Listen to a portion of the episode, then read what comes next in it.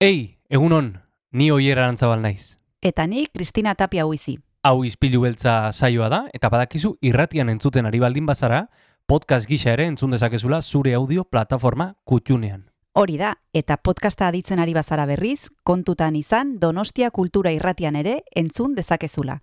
FM eundazazpi puntu lau frekuentzian. Sare sozialetan ere topatuko gaituzu noski, izpilu beltza bilatuta, Instagram, Facebook eta Twitterren. Besterik gabe, guazen gaurko saioarekin. Az gaitezen,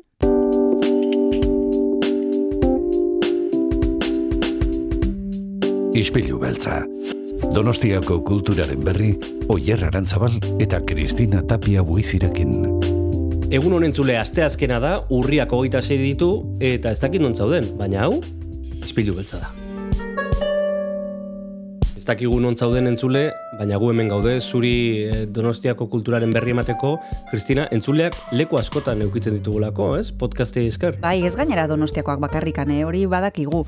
E, donostiakoak eta Donostialdekoak ere bai. Eta zuk Bai. beti esaten duzu aian ere entzuten dela. Aia, eh, aian ere Donostia entzuten Kultura da, eta esango izu gehiago, e, ni badakit bizkaian ere entzuten dela lantzean behin, beraz, e, bueno, e, podcastak hori dauka, aukera baten digula mundu guztira zabaltzeko, eta hortan saiatzen gara. Gauza interesgarriak ez ditugulako egiten, ez da izango. Hori da, eta gainera gaur gauza oso interesgarri bat ekarriko dugu Donostia Kultura Irratira. Aier beobide gonbidatu dugu berriro, aurrekoan izan genuen hemen herrimak bi honetan proiektuaren inguruan e, solasteko, baina gaurkoan ekarriko duena da ur bizitan, azaroaren bostean estrenatuko da gaztezenan, proiektu oso polita, e, naturaren, e, naturarekin lotura daukana, baserriei buruz ere hitz egingo diguna, dantzaren bidez, imaginatu ze zaila den, eta gainera e, lan honetan parte hartu dute, ba, bueno, e, bere arreba olatz bide, Pascal Gain musikan, e, testuan koldo izagirre, bueno, hainbat lagun eta ezagunak, eta berak esplikatuko digu nola sortu zen urbizitan proiektua. Bueno, zalantzari gabe, e, dantzarekin guretzat oso zaila litzateke. Agian, e, aier eta konpainarentzat errexagoa, kontatuko digute e, urbizitan emanaldiaren inguruan, azaroaren bostean zazpiterdietan gaztezenan, esan dugun bezala, eta Jon Gartzia ere izango dugu, musika askorekin gaur. Bai, badekizu berak e, musika polita jartzen duela egunero egunero, eta gaur ere horrelaxe egingo du, eta bere baimararekin, ba, guazen gaurko saio astera, oier. Guazen, guazen gorko saioarekin.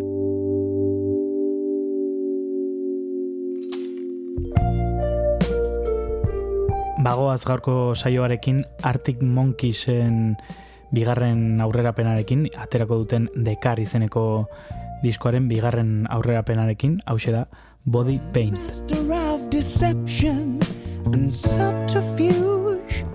You've made yourself quite the bed to lie in. Do your time traveling through the tannin booth so you don't let the sun catch you crying. So predictable, I know what you're thinking.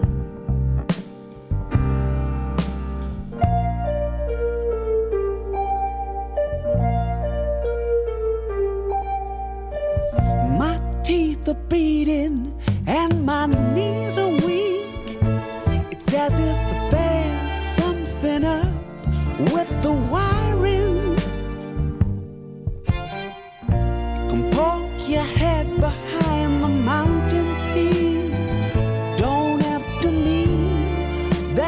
Gone into hiding. So predictable, I know what you're thinking.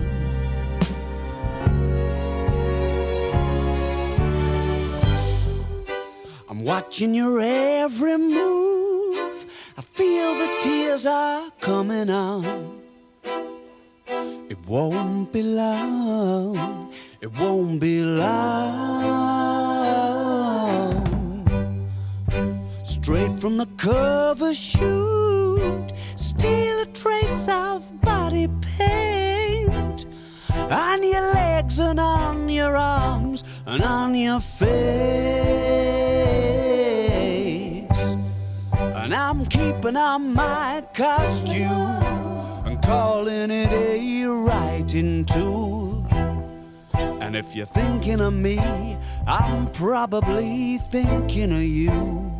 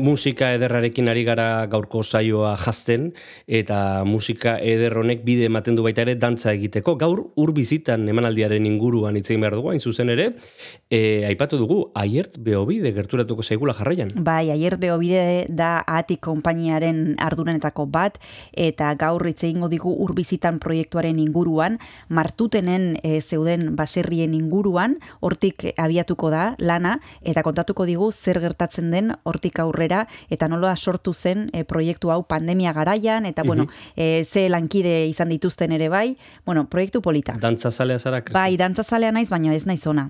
Ni ere Baina, bueno, intentzioa hor dago. Bueno, ea, ea zerbait ikasten dugun aiert beobirekin jarraian hemen, izpilu beltzean.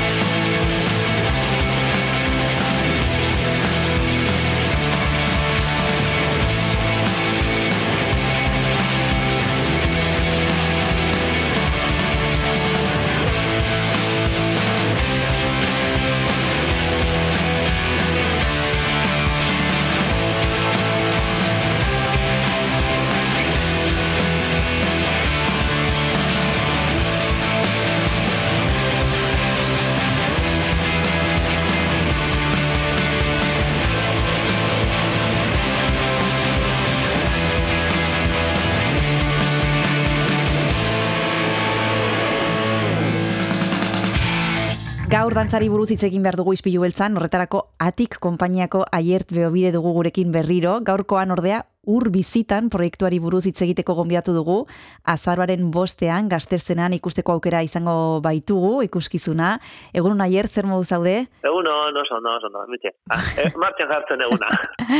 bueno, Bai. e, aurrekoan beste proiektu batekin e, izan genuen hemen e, atik konpainia eta hain zuzen ere zu izan zinen hemen gurekin hitz egiten, gaurkoan ur Bai. bizitan e, ekiminaren inguruan arituko gara. Zer da ur bizitan aiert? Bueno, urbizitan da, e, konpainiaren azken lana, este, la, la, lan kutxun bat, ez lan guztiak dira kutxunak esaten den bezala, baina Hmm. azkenekoa, ba, beti, ba, ba gertuen e, daukagun e, sorkuntza izani, ba, ba, bueno, nolabait, e, sorkuntza berezia da, eta hor bizitan, ba, ba, bueno, oso sorkuntza berezia da ere, ba, gaiak berak, eta nondik norako guztiak, ba, oso gertutik ikutzen bai digute, ba, pixka bat gure, gure bihotza, ez, gure bihotza da, gure sentimenduak, e, ur bizitan da, bueno, e, esaten dugu, ez, e, hola, laburtzen, e, ekonomia jasangarri baten e, aldeko alegoria bat bezala, ez? E, Horin harritzen baita gure e, zenide batzue di e, etxe bizitza o baserria e, zehazki ez jabetu izana, ez? Hemen donostiako urumea martuten inguruko baserri, bueno, e, mordo bat genituen bere garaian, eta beti, da, bueno, ja, gutxi, gutxiago gelditzen dira, bada oraindik landa ere mutxo bat horre ba, baratzak eta, baina, bueno, beti eta gutxio, ez, eta, bueno, orain urumea ezagutzen dugu gehiago, ba, autobideagatik, ez, urumeako autobideak, eta, bueno, ba, errepide guzti horiek, ba, nola bait, ba, kaltea egin diete, ba, nola gure baserritarrei, gure baratzei, eta, bueno, ba, pixka bat horre, horretan egin nuen hausnartu, ez, eta nola, ba, ba, ba gure zenide hauek, ba, bueno, azkenean, e, pixu batetara, ez, eh, joan behar izan duten bizitzera, eta, eta bueno, horretan hausnartu, ez, nola goazen ekonomi, eh, esango dugu, ez, ekonomiaren gurpil honek nola askotan, ba, natur ere muen kontra dijoan, o, eh, natur ere mu horien kalterako den, ez, eta berre, bueno, ba, pixka eta hausnarketa hori, gaur egun nik uste dut ekologia, natura, eta, ba, klima, edo ez, e, badirela nolabait pentsatu beharreko kontuak, eh, zer nahi dugun, edo zer nahi dugun utzi gure ondorengo ez, eta bueno, hor- hortan da, eta pixka bat eh, gai guztia urbizitanen, modu oso politan, lantalde izugarri batekin, eta, ba, bueno, emanaldi oso ikusgarri batekin. Orantxe bertan hitz egingo dugu lantaldeari buruz, eh, esan bezala izugarria da, baina aier nola sortu zen proiektua egiteko aukera? Izan zen, eh, agian zerbait konkretua zuei ideia hau piztu zuen mm, zerbait eh, edo bazen euketen aspalditik ideia hau buruan. Bueno, ba, ideia, hau, e, benetan, bueno, e, bageneukan nolako zere buruan, eh? baina benet- ideia, ideia nolabait, e, bapatean esaten dena, ez, bombilla piztu hori izan zen, e, ba, pandemiako itxialdi hartan, izan zen guzti hau ez, esaten Mhm. genunean, e, nolabait, e, gizaki, gizakiekin arteko harreman behar hori genuenean, eta fa, edo falta hori sumatzen genuenean, eta ere ba, nolabait eh, natura, ez, nola batean, e, bueno, eh, nolabait ateak ireki zizkigutenean, edo baimen eman zigutenean, nola batean e, denak eh, naturara bota ginen, ez, mendietara, ondartzetara, eta naturaren kontaktu behar horretara, ez, nola, nola mm, konturatu gabe, ba, ba ze behar dugun, ez, natu- naturarekin erlazioa izateko. Eta hortik abiatu zen, ez, eta ez duten, jo, eta hainbeste beharra baldin badaukagu, zeratik ez dugu pixkate harreta gehiago jartzen, ez, e, hori. Eta horri zan zen, horrar ziren lehenengo ideiak, eta ez duten jo, ba, konta ezagun hau, e, gertuko e, kontakizun bate, bati, e, ba, bueno, nola ez oinarri hartuta, ez, e, bueno, mi, mila e, adibide egon daitezke, nola baite naturaren, bueno, nola ez un txipena, edo e, baztertze horretan, e, izan daitezke, ez dakit, eh, aintzirak, izan daitezke mendiak, izan daitezke trenbideak, izan daitezke, baina, bueno, nire genuen zerbait gertuko, zerbait eh, lehen pertsonan eh, kontatuko ziguna, o jakingo genuna, o pixkate sakonduko genuna historia hori, eta horre izan zen, ez? E, azkenean eh, gure zenide batzuk, horre bai esan duen bezala, baserria, bi baserrietatik bugitu behar izan dira, lehenengoa izan zen, ba, urumea beraren, e, bueno, e, horre zo- zona inundagarria denez, eta urak gora asko egiten zuten, ba, baserria zegoen, egia zen, bere egizaten zuten, e, martutenez egon behar zela urez gainezka beraien baserria agia ura harrapatzeko, baina aztoritxarrez azken aldian, ba, ja, behin baina gehiago gertatzen ari zitzaien hori. Ordu, no, mugitu ziren beste baserri batetara, ba, pixkat, e, urrutiago e, ibaiaren e, ubidetik, baino handikan ba, errepide bat egiteko proiektua sortu zen, eta berri ere, bueno, handikan mugitu, eta azkenik baina ba, e, astigarragako pixu batetara joan behar izan dute bizitzera, ez? Da, bueno, ba, ba, ba, ba, ba hortikan, hortikan nabiatu genuen dena, usta genuen bagenuela zer eta egon ginen bereiekin hitz egiten, gondatu zizkiguten urumea zer zen donostian e, garai batean, ez, ba, ba, han e, zegoela nolabait e, donostiko e, ba, mugimendu oso handi bat egizartearen erlazionatzeko, e, bizitzeko, e, baziera sekulako etxe bizitzak eta bereien e, errekarako irterarekin, ba, ba genuelan e, atrakzio parke bat da zela, ba zeola dantza leku bat, ba zirela altazkenean, bueno, ba, ba urume hori a, izugarria zela, ez, peajea korreintzen zirela, zagarrotegikoek zagardo gesten zuten ere e, portuetara errekatik, e, bueno, bizitza handia zuen errekazela, ez, beraiek bertan egazuten e, txanela bat e, e, zeharkatzeko musutruk eta nahi zuenari e, errekaren alde batetik bestera, e, ez dakite, kilometro bat gorago zegoen e, zubira joan beharrik ez izateko, eta bueno, hor nola erlazionatzen ziren dena, ez esaten ziguten e, urumeako ur hori gauza guztietarako erabiltzen zutela, animalia jaten emateko, e, barazkiak garbitzeko, e, arropa garbitzeko, azkenean, bueno, ba, bizitza zela ez e, erreka hori, o, ibai hori, eta, eta bueno, ba, nola pixkanaka, ba, ba joan e, uzten ez, erreka hori, eta nola joan da, ba, bueno, ba, beste behar batzetara e, bideratzen e, gizakia, edo nostia nola baitere belepokale aretatik, baina, e, bueno, ba, kontxa eta donostieko aldezarrera edo zentro aldera nola baite egin du nola bere begirada eta zentratu da horretan. Eta, bueno, ba, ba hangoa alderdi hori gelditu da pixko bat, ba, ba, aztu dago, ez? Mm Eta, bueno, ba, ba, genuen zer kontatu. Bai. Eta, horren, gure erronka, eta bain esango, aterako dugu lehenengo izena, ez? Eta, eta hau nola kontatzen dugu. Eta, genuen gu, nola kontatzen dugu dantzan, gainera, ez? Eta, bai. gara, gu genezkalako bidozkada asko, sentimendu asko, baina urbilekoak, oi, nola kontatzen dugu guzti hau.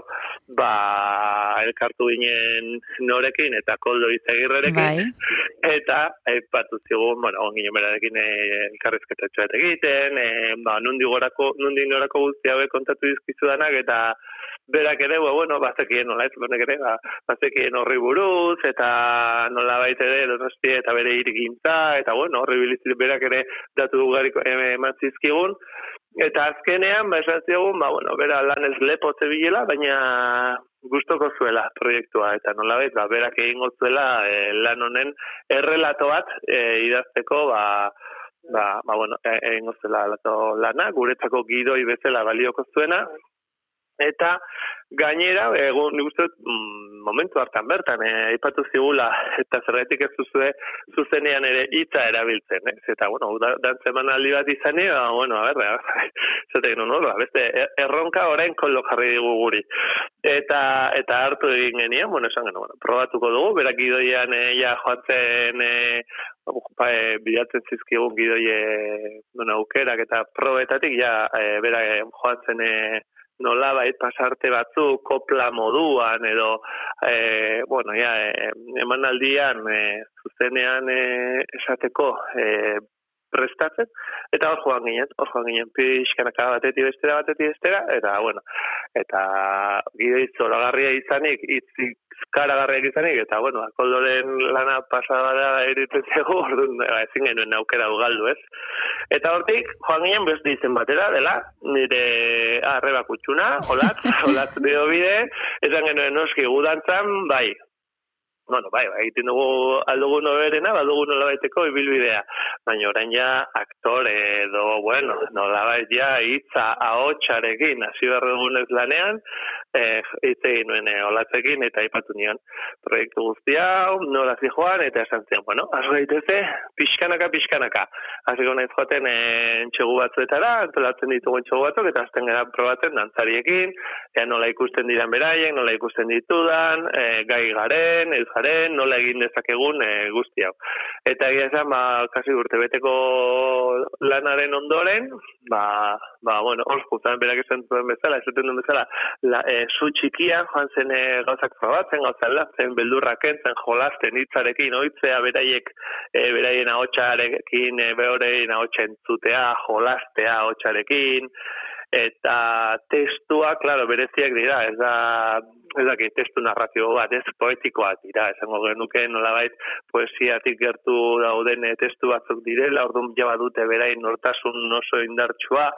Bueno, ba, horre lan oso fine egin du horre olatzek datzariekin, eta bueno, ba hori integratu dugu e, ikuskizunean zehar zenbait pasartetan, nolabait e, kolok proposatzen zizkigun e, pasarte hauen bidez akopla moduan, ba testu batzuk ere nolabait e, gerturatzen gaituztela gaira eta oso modu eder batean, ba, ba laguntzen diotela ikusleari, ba nolabait e, bueno, e, egoera horretara sartzen, ez? Estena hoiek bizitzera, ez? Beste modu batera, ordu, bueno, gehitzen da nolabait beste kanal bat, ez? E, dantzaz gain, ba, baita hitza ere, uste, eta oso, bueno, ba, asko gerturatzen duela, ez da, hotxak berak, e, zuten duzunean, ikusten duzun horri, ikusten diozunean e, hitz egiten, espresatzen, bere ahotsa, bere izakera, bere vibrazioak ikustu eta nolabait da gerturatzen zaitzula.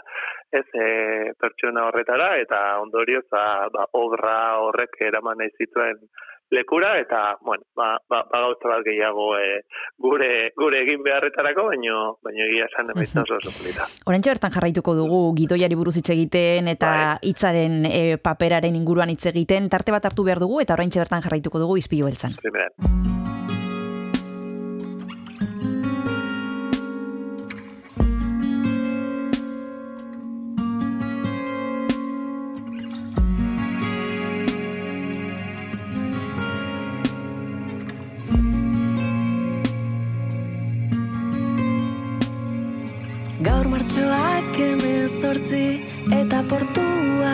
bibarku noiz erori da sabaia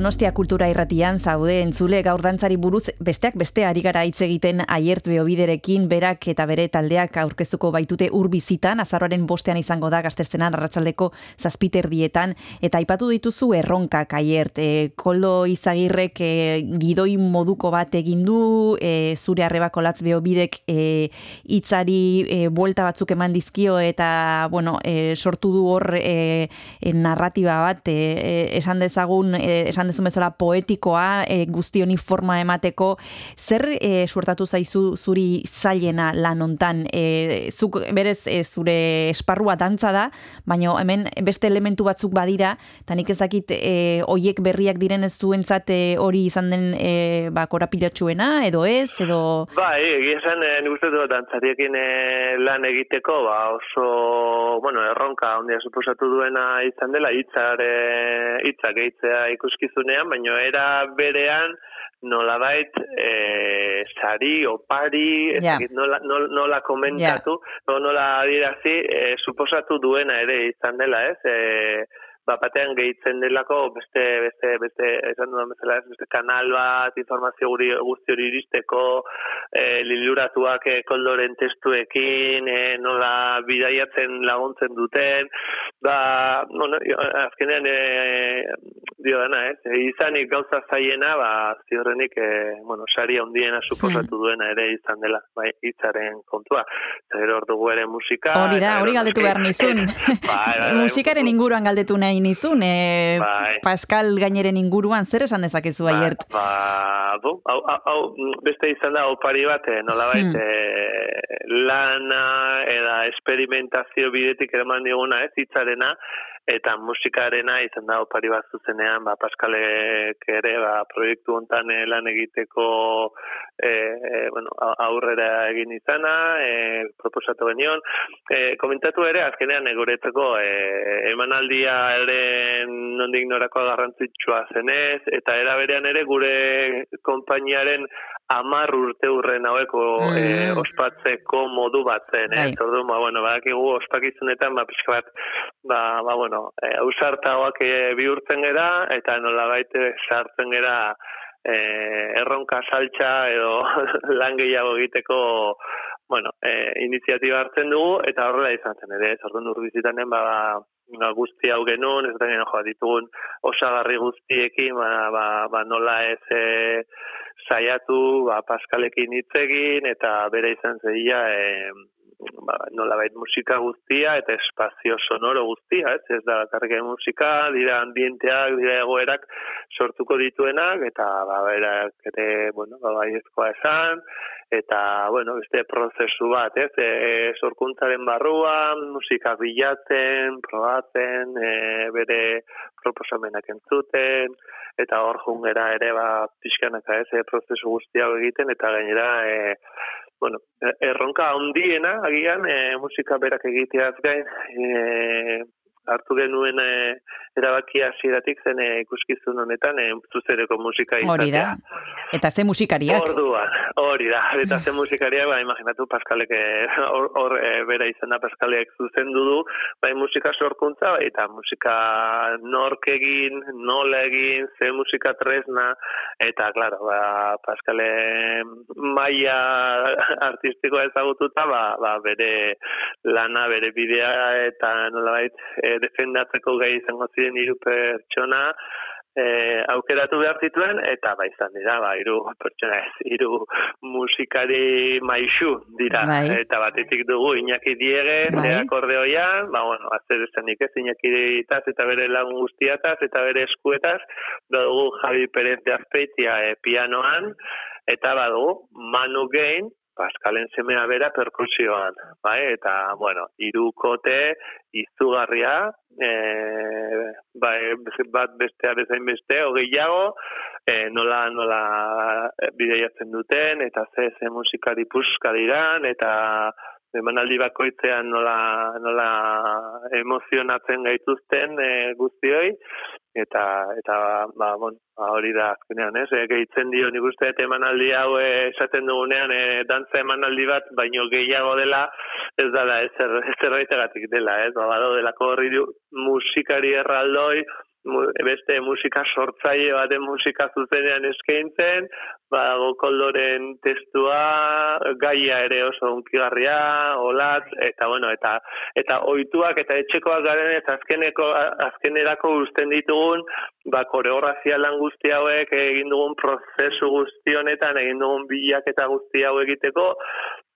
eta eta baita ere estenaratzean, ez, egin dugun lana jantziekin eta ba bueno, nolabait di- dira mm, ohikoagoak edo bai edo bai egon behar dutenak eh, dantza ikuskizun batean eta nolabait uzten ditugu azkenekoak aipatzeko, baino ba, lan oso oso handia egin dugu hor ere koreografian, Ez, askotan aipatzen dugu, ze bale, bai, oso ederra eta oso ondo, eh, ko, koldok eh, egitea errelato bat, Bai. baina koldok errelato egitez egiten du, eh? Mm. Eta orain hitz horiek nola, nora doaz, nola egiten ditugu dantzara, ez? Eta hori da, gure gure lana eta gure jokua edo gure hor gu, guri hori gustatzen zaigu, eh? guri saltza hori, guk hori nahi dugu saltza hori hartu eta eta hasi probatzen eta venga ura, nola eh, irudikatzen dugu ura, nola espresatzen dugu uraren joan etorri hori, ez? Aipa kokatzen dugu eh, em, leku horretan baserri hori, ez? E,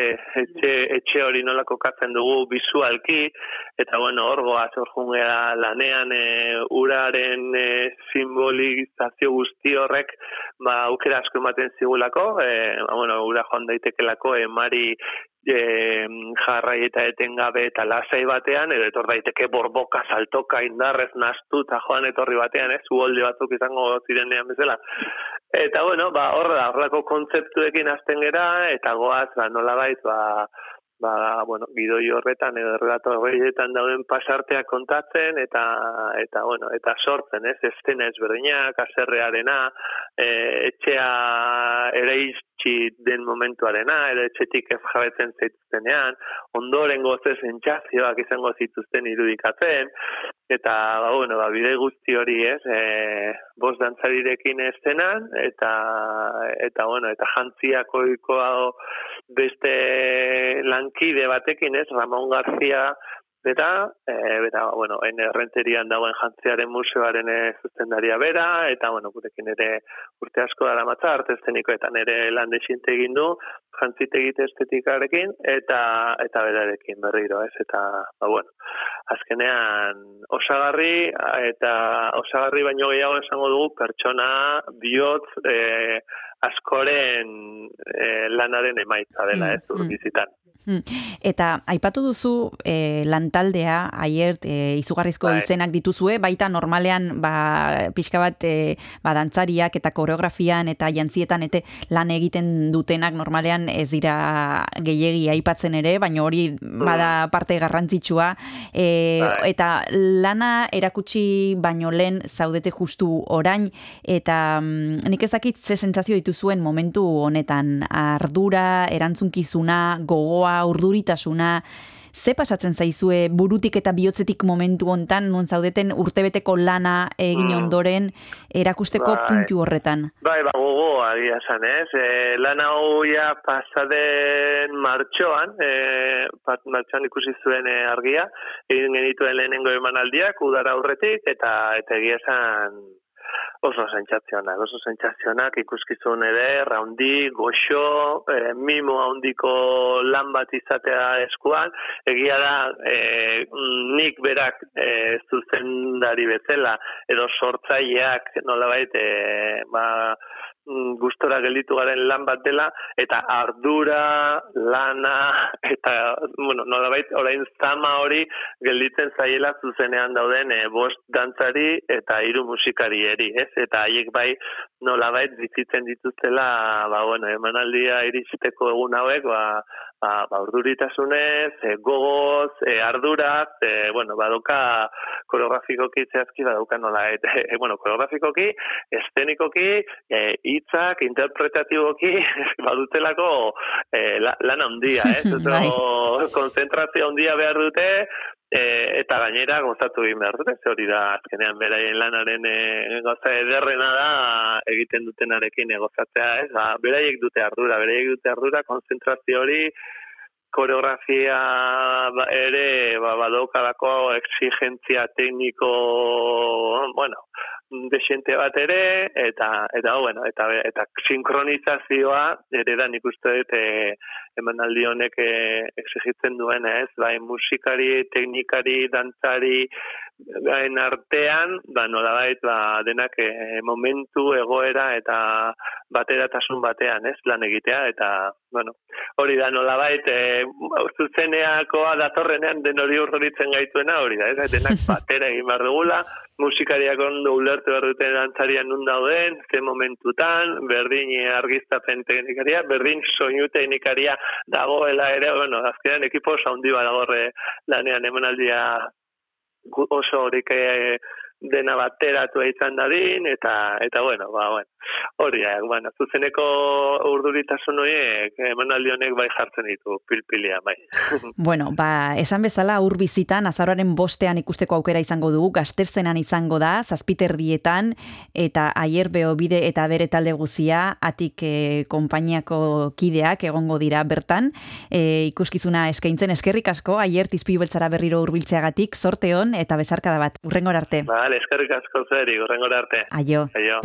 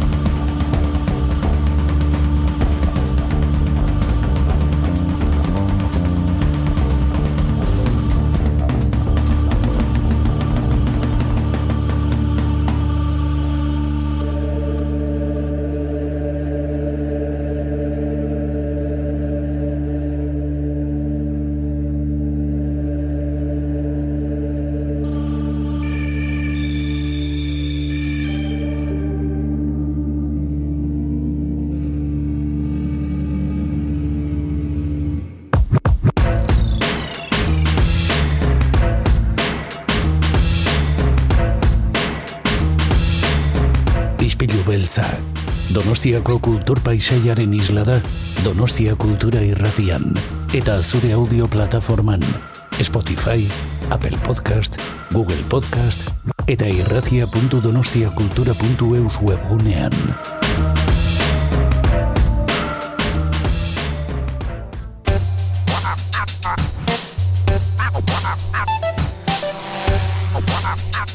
Donostia Kultura Irratia zabaldu gurekin Donostialdeko kulturaren leioa.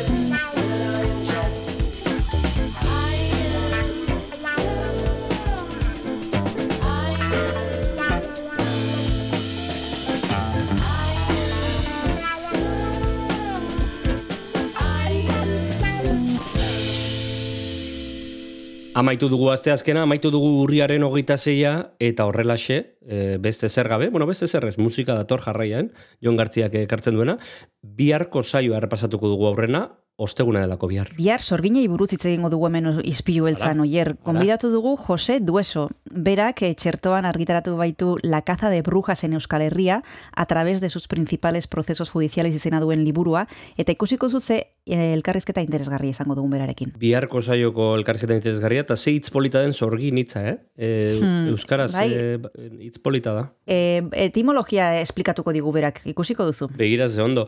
Hori biharko utziko dugu, ez dugu ezer horretuko, ez dugu spoilerrek egingo. Gogoratuko dugu baita ere astelenetik ostiralera entzun dezakezula Donostia Kultura Irratian ispilu beltza. Eta nahiagoa duzu edozein unetan, edozein audio plataformatan deskargatu dezakezula. Eta irratia.donostiakultura.eu zen ere noski entzun gai duzula bai saio hau, bai urrengoa eta bai aurreko guztiak ere. Bai, aurreko saio guztiak, gu bihar hemen egongo gara, formal-formal, goizeko zortzietan nahi izan ez gero modu tradizionalean entzuten bagaituzu, eta bestela nahi duzun orduan hemen egongo gara oierran zabaleta biok. Gu hogeita lau orduz gaude zuretzako entzule. Bezarka bat. Agur. Agur.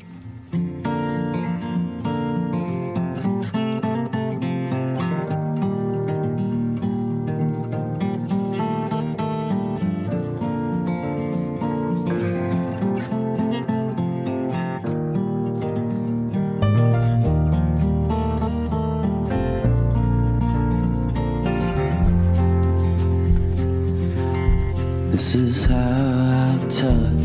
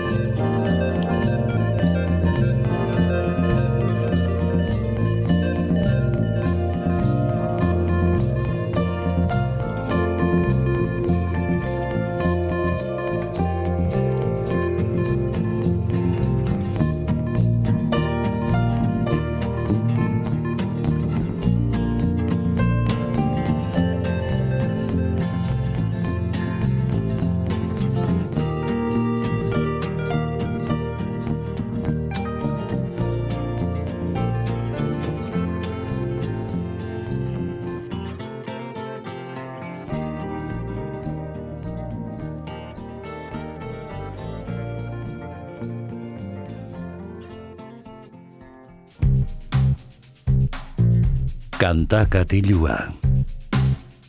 Jon Gartziaren eskutik.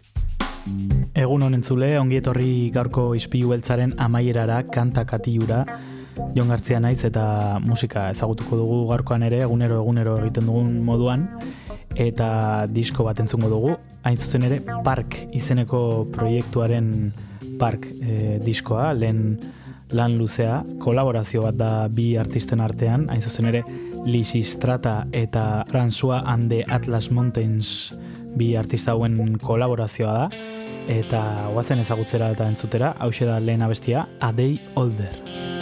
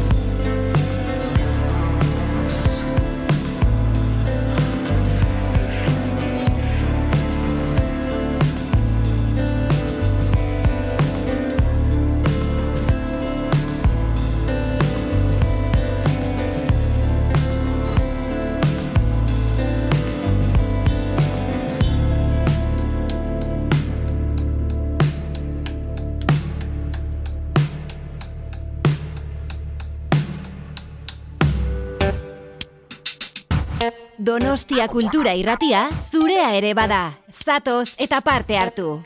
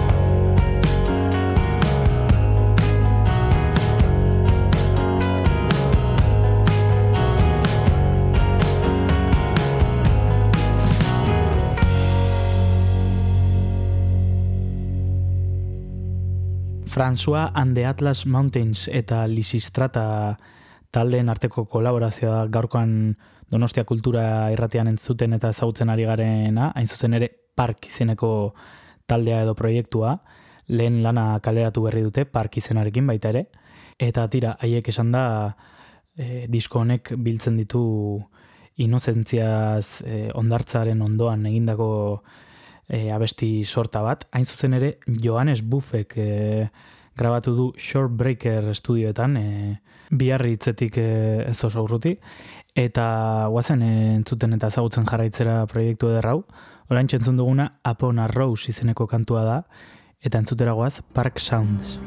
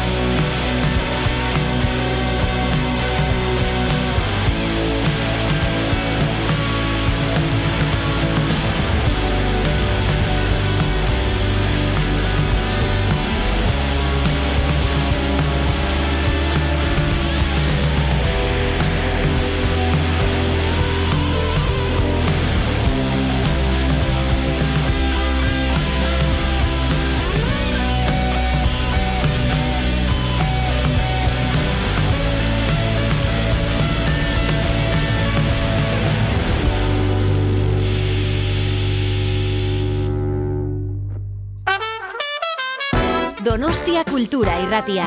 Eun eta zazpi puntu lau.